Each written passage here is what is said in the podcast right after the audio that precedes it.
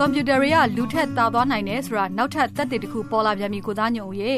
ဘယ်လိုနေရာတွေမှာတာသွားပြန်တာလို့မသိမြတ်မောလူတွေလိုမျိုးညံစွမ်းထက်အောင်လို့ program လုပ်ထားတဲ့ computer program ပေါ့ကွန်ပျူတာစကားနဲ့ဆိုရင်တော့ artificial intelligence အတိုးကောက်တော့ AI လို့ပြောနေတဲ့ computer ဉာဏ်ရည်ဉာဏ်စွမ်းလေတချို့ကတော့ AI ကိုဉာဏ်ရည်တူးလို့လည်းပြောနေကြတယ်အခုဟာဒီကစားရတိတ်ကိုခက်ခဲတဲ့တရုတ်ကြားကစားနည်းကိုကို AlphaGo ဆိုတဲ့ AI computer program ကနိုင်သွားတာရှင် နိုင်နာမှကိုဒီကိုတရုတ်ကြားကစားနည်းမှာအတော်တကအတော်ဆုံးသူကိုလေးပွဲနိုင်တပွဲရှုံးနဲ့နိုင်သွားတာကိုသားညုံရဲ့ဟုတ်ပါဗျာအဲ့ဒီသတင်းကဒီနီးပညာလောကအထူးဖြင့်ကွန်ပျူတာလောကထဲမှာတော့အတော်လေးကိုဟိုးလေးတကြောဖြစ်သွားတာမှဆွေးမြတ်မောအဲ့ဒီဂိုဆိုတဲ့တရုတ်ကြားထိုးကစားနည်းကိုလူတွေကစားလာကြတာနှစ်ပေါင်း2500တတန်းရှိနေပြီကြားထိုးသူမျိုးအကွက်တွေဆွဲထားတဲ့ဘိုးပြားပေါ်မှာအကွက်ရွှေ့ကစားရတာဆိုပေမဲ့အုံနောက်နဲ့အတော့ကိုတွက်ချက်ပြီးတော့အနံ့ရအောင်ကစားရတာမျိုး ဒီစစ်တူရင်ကစားတာတစ်တောင်မှအစပေါင်းများစွာခက်ခဲတယ်လို့ကျွမ်းကျင်သူတွေကပြောကြတဲ့ဂိုကစားနည်းကိုကမ္ဘာချန်ပီယံနဲ့ AlphaGo ကွန်ပျူတာပရိုဂရမ်တို့9ရက်9ပွဲကစားကြတာမှာကမ္ဘာချန်ပီယံကတပွဲပဲနိုင်ပြီးတော့ AlphaGo ကတမိုင်းဝင်အနိုင်ရသွားတာပဲဗျကျွမ်းကျင်သူတွေပြောတဲ့အတိုင်းဆိုလို့ရှိရင်စစ်တူရင်မာကဒီရွှေနိုင်ကြီးအကွက်ပေါင်းကရေဘူးရ20လောက်ပဲရှိတယ်။တရုတ်ကြားထိုးကစားနည်းကိုမှဆိုရင်ရွှေနိုင်ကြီးအကွက်ပေါင်းက200ရှိတယ်တဲ့။အဲဒီတော့ အနိုင်ကစားဖို့အတွက်ကဒီကျွမ်းကျင်မှုနဲ့အတွေ့အကြုံကအများကြီးလိုတယ်။တပွဲတပွဲအပီးကစားဖို့အတွက်ကလည်းအနည်းဆုံး၄-၅နာရီကြာတယ်လို့ပြောတယ်။အခုဟာကဂိုကစားနည်းမှာသူ့ထက်တော်သူမရှိလို့ချန်ပီယံပွဲကိုဆယ်စုနှစ်နဲ့ချီကြာအောင်လို့ရထားတဲ့တောင်ကိုရီးယားကလီဆယ်ဒေါကို AlphaGo Computer Program ကနိုင်သွားတာရှင်။ AlphaGo Computer Program ကိုထွင်တာက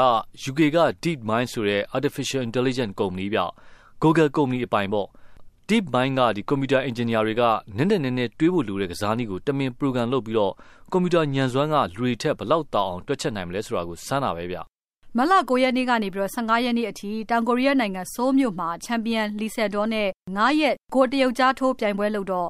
AlphaGo ကွန်ပျူတာဉာဏ်ကြီးရှင်ကဘာလုပ်လဲဆိုတော့လူတွေဘလို့မှမထင်ထားတဲ့အကွက်တွေကိုတခါမကရွှေ့ခဲ့တယ်။အဲ့ဒီပွဲတွေကိုတချို့နိုင်ငံတွေမှာဒီရုပ်သံပေါ်ကနေပြီးတော့ဓာတ်ရိုက်ပြတယ်။နောက် YouTube ပေါ်မှာလည်းဓာတ်ရိုက်ပြနေတော့ ပွဲကြည့်နေတဲ့သူတွေကကွန်ပျူတာတော့မှားပြီလို့ပထမထင်ကြတာ။ဒါပေမဲ့နောက်တော့မှ तू ကသမင်တကာအဲ့ဒီအကွက်ကိုအနိုင်ရအောင်လို့ကြိုတွက်ပြီးတော့ရွှေ့တာပဲဆိုတာကိုသဘောပေါက်ကြတယ်။အဲ့ဒါကြောင့်ကွန်ပျူတာတွေရဲ့ဉာဏ်ရည်ဉာဏ်စွမ်းတွေကလူတွေတက်တာနေပြီလားဆိုပြီးတော့သုံးသပ်စရာတွေဖြစ်ကုန်တာပေါ့မဆွေးမြတ်မော်ရဲ့။ Washington Post သတင်းစာမှာဆိုလို့ရှိရင် AlphaGo ရဲ့ညံများတဲ့ရွှေ့ကော့ကစက်တွေရဲ့ဖန်တီးနိုင်စွမ်းကိုပြနေပြီဆိုတာစောင်းမအရှိကြီးနဲ့ကိုသုံးသပ်ပြထားသေးတယ်။နောက်ဆုံးကစားပွဲကိုပဲကြည့်လေ။ AlphaGo Computer Program နဲ့ Go Champion Lee Sedol တို့ကစားနေကြတာတနားရီလောက်ကြာတော့ AlphaGo ကပုတ်ပြားပေါ်မှာရှိတဲ့အကွက်တွေတွေက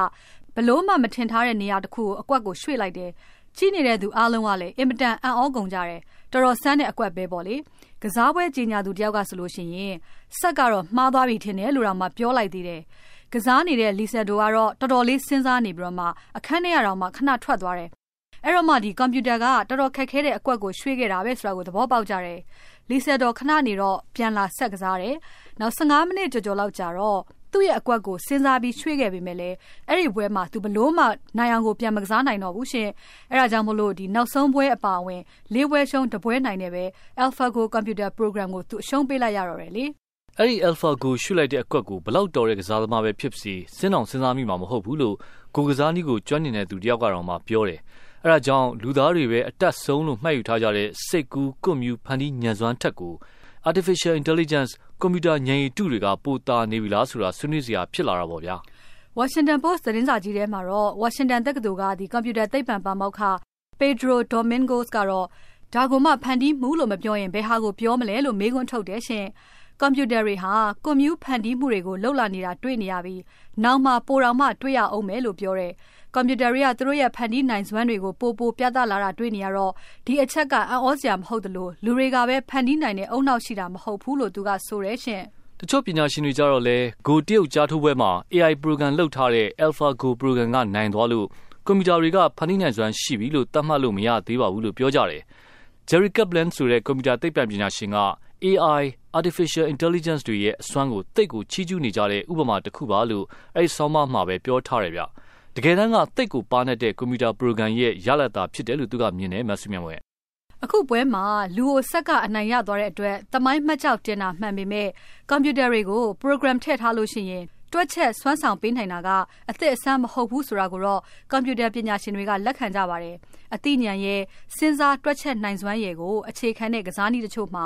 AI program ထည့်ထားတဲ့စက်တွေကအနိုင်ရခဲ့ဘူးတာတွေအရင်ကလည်းရှိဘူးပါတယ်။ဒါပေမဲ့အခုဟာကတော့ဒီနှစ်ပေါင်း2500တဲကလူသားတွေကစားလာကြတဲ့ကစားနည်းနောက်နိုင်ဖို့အတွက်ကိုတည်တည်ချာချာစဉ်းစားပြီးတော့မှဉာဏ်ကိုလွှတ်သုံးတွက်ချက်ရတဲ့ခက်ခဲတဲ့ကစားနည်းတစ်မျိုးကိုစက်ကနိုင်သွားတာပထမဆုံးအကြိမ်မို့ထူးထူးခြားခြားပြောစရာဖြစ်တာပါ လွန်ခဲ့တဲ့25နှစ်အတွင်းကြားတို့စစ်တူရင်တို့အပါဝင်ဗုတ်ပြားပေါ်မှာအကွက်ရွှေ့ကစားရတဲ့ကစားပွဲတွေ